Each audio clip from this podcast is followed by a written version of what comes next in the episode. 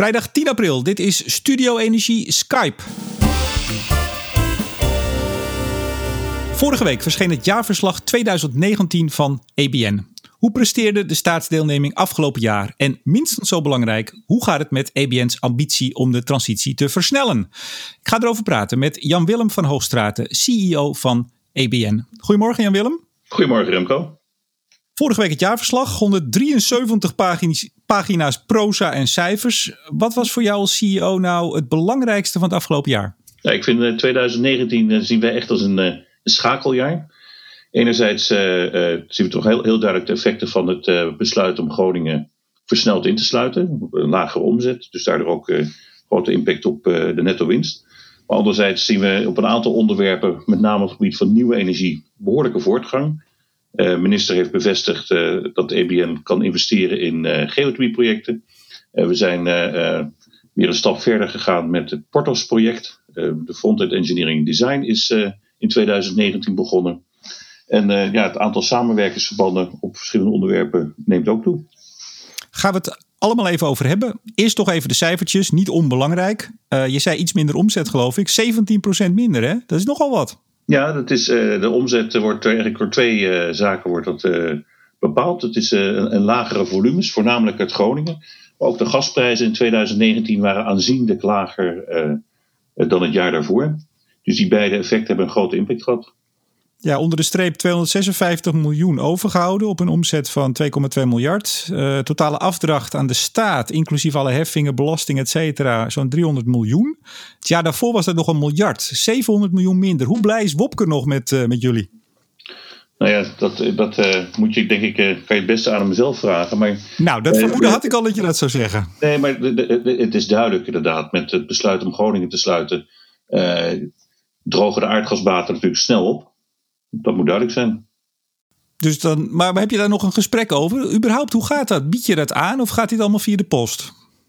Nee, dat gaat, wij, onze aandeelhouder is het ministerie van Economische Zaken. Dus de, de gesprekken hierover zijn ook met het ministerie van Economische Zaken. En uh, we, hebben, uh, uh, ja, we hebben dan ook tijdens onze aandeelhoudersvergadering, voor aandeelhouder is het in dit geval, bespreken we dit soort zaken. Het is 100% hè, staat. Ja geld wordt ja, nog altijd verdiend met fossiele energie, olie en gas. Uh, nou, zei ik het al, jullie hebben ook een, een andere pijler, uh, New Energy, ontwikkelen en versnellen van bijvoorbeeld aardwarmte en andere duurzame bronnen. Uh, jullie zeggen, daar hebben wij heel veel voor in huis om dat voor elkaar te krijgen. Wat hebben jullie in huis? Nou, het belangrijkste is denk ik een zeer grote kennis van de Nederlandse ondergrond.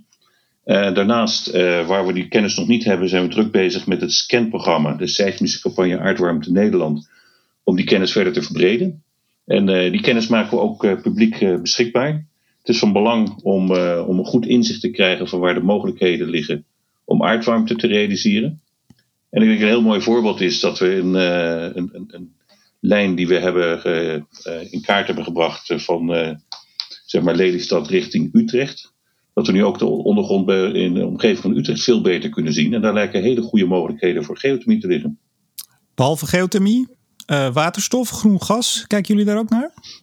Nou, onze, onze grootste focus momenteel is echt het, verduurzamen van de gaswaardeketen. Dus uh, wat we kijken van hoe kunnen we nou een goed uh, duurzaam alternatief voor gas vinden. Nou, geothermie lijkt daar een, een, een, prima oplossing voor te zijn. Zeker omdat die nou natuurlijk eigenlijk altijd beschikbaar is.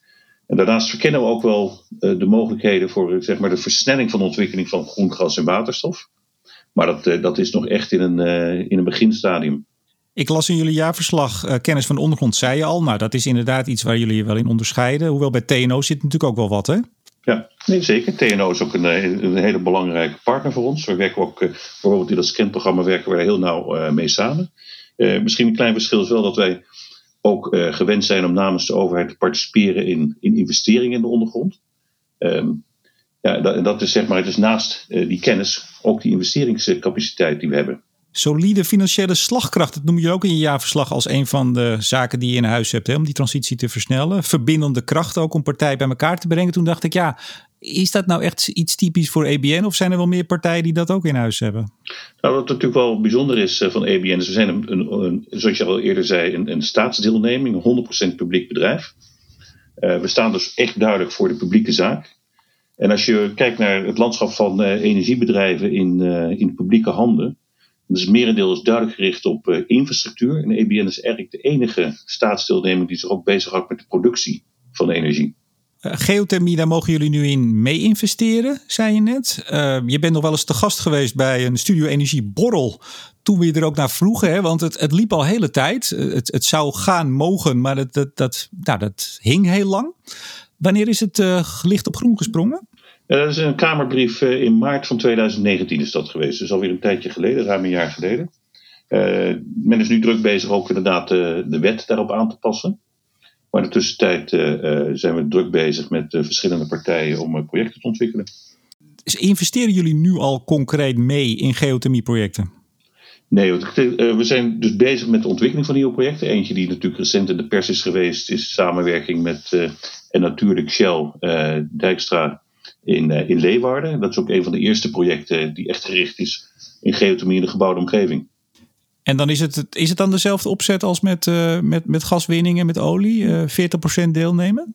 dat varieert. In principe, dat stond ook in die Kamerbrief, afhankelijk van ook het, type joint venture met wie je samenwerkt, tussen de 20 en, en de 40% participatie. Het, gaat, het heeft ook mee te maken van hoeveel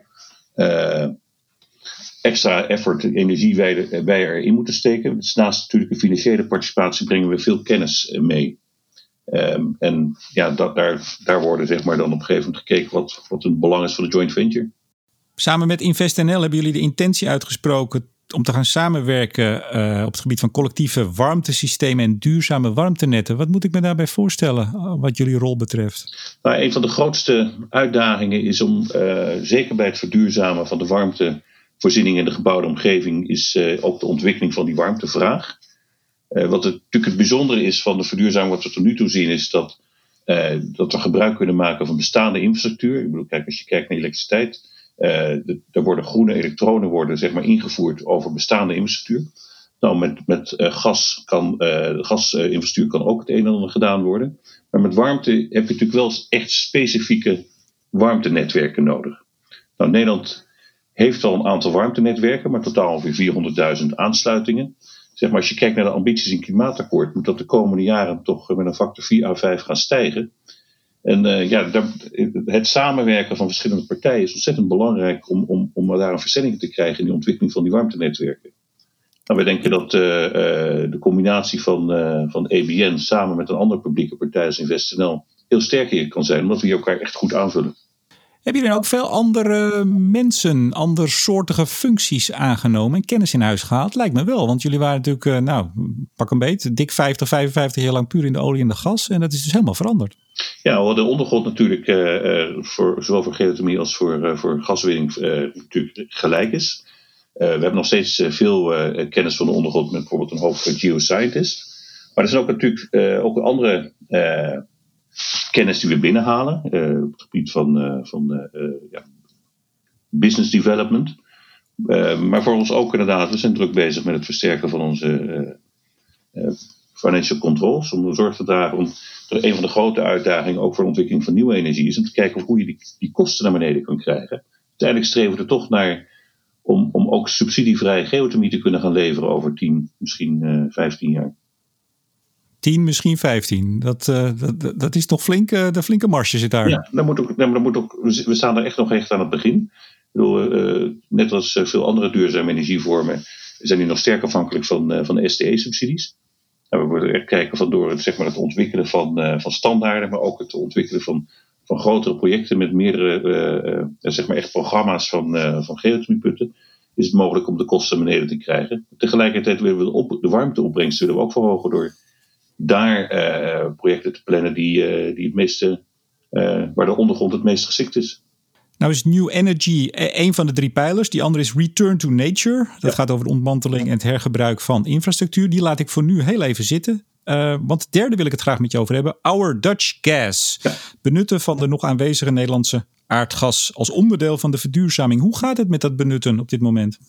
Nou, gas, gaswinning in Nederland is nog steeds heel belangrijk. Uh, als je kijkt, totale gasverbruik in Nederland is zo'n 35 miljard kubieke meter per jaar. Er wordt al zo'n 25 miljard ervan wordt, eh, uit de Nederlandse bodem gehaald, zowel uh, uit Groningen, maar ook op zee. Nou, Groningen weten we allemaal, dat gaat, dat gaat dicht. In 2022 zal er geen, geen gas meer worden geproduceerd.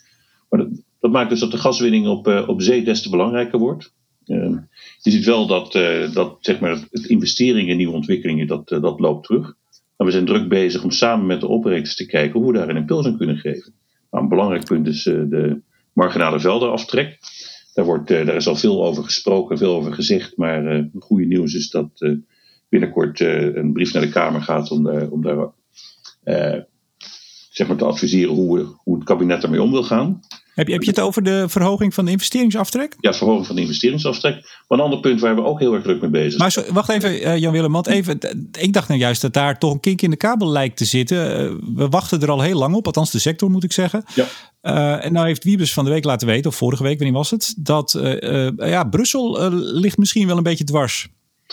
Nou, die, Brussel maakt zich, heeft aangegeven dat, dat het geen staatssteun mag zijn. Dus er wordt nu goed gekeken, ook op het ministerie, hoe die regeling zo ingesteken kan worden om dat te voorkomen. Maar ik denk dat als je voor de details kan je toch het beste bij de minister zelf zenden erover. Maar het is wel echt van belang dat deze verhoging van de investeringsaftrek er gaat komen.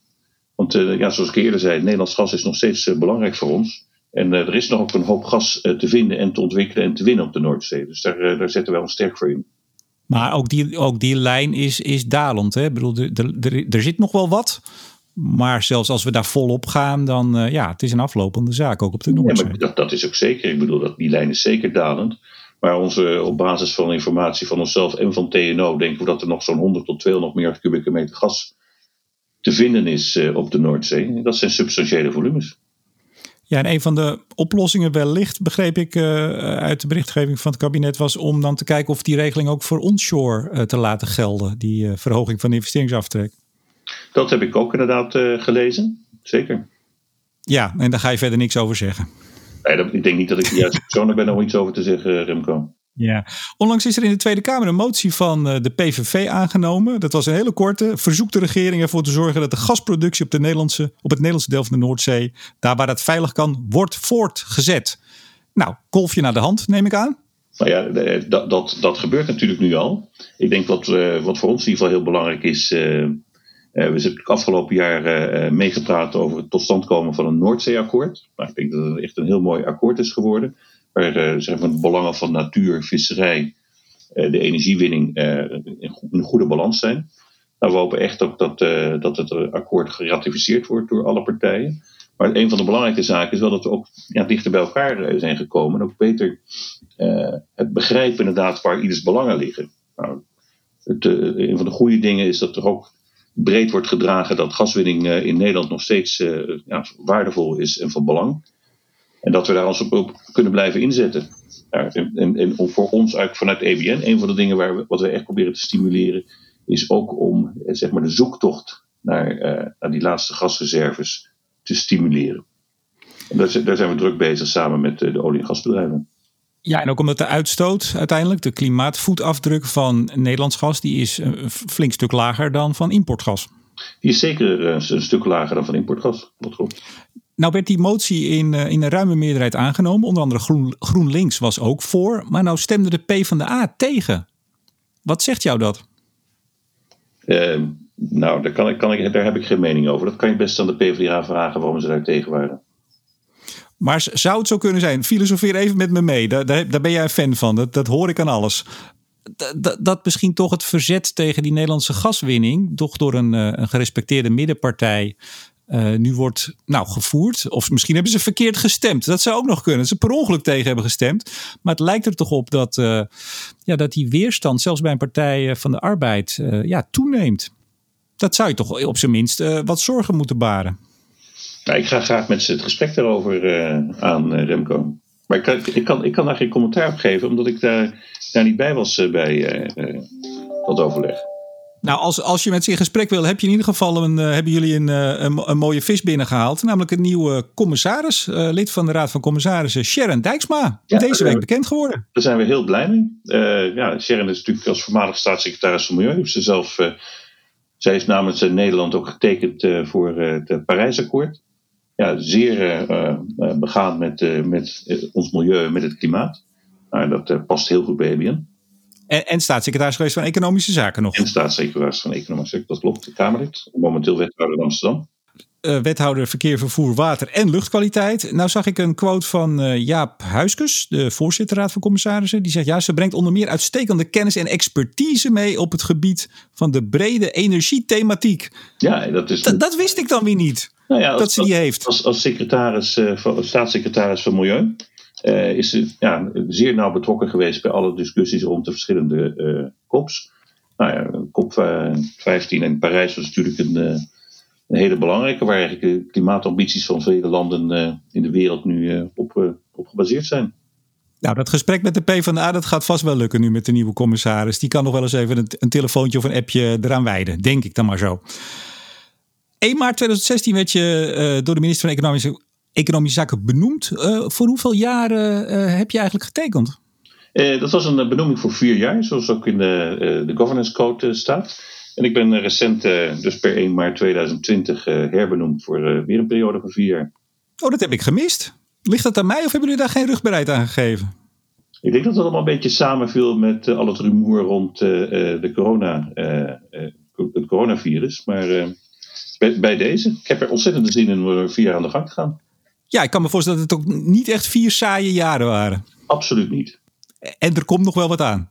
Er komt ook wat aan, maar we hebben denk ik de afgelopen vier jaar ook eh, hard gewerkt om uh, die, uh, ook zelf als bedrijf die transitie te maken. En we willen de komende vier jaar ook ja, een, een hoop projecten waar we bezig zijn ook echt, echt invulling aan gegeven. En, ja, Portos is de, natuurlijk een belangrijke waar waar we hopen dat we uh, volgend jaar een, eh, een investeringsbeslissing kunnen, kunnen nemen. CCS-projecten, daar gaan we het vast een andere keer over hebben. Hartelijk dank voor het gesprek. Ja, Remco, dankjewel uh, voor je tijd. Dat was Jan-Willem van Hoogstraten en ik ben Remco de Boer. Graag tot volgende week bij Studio Energie.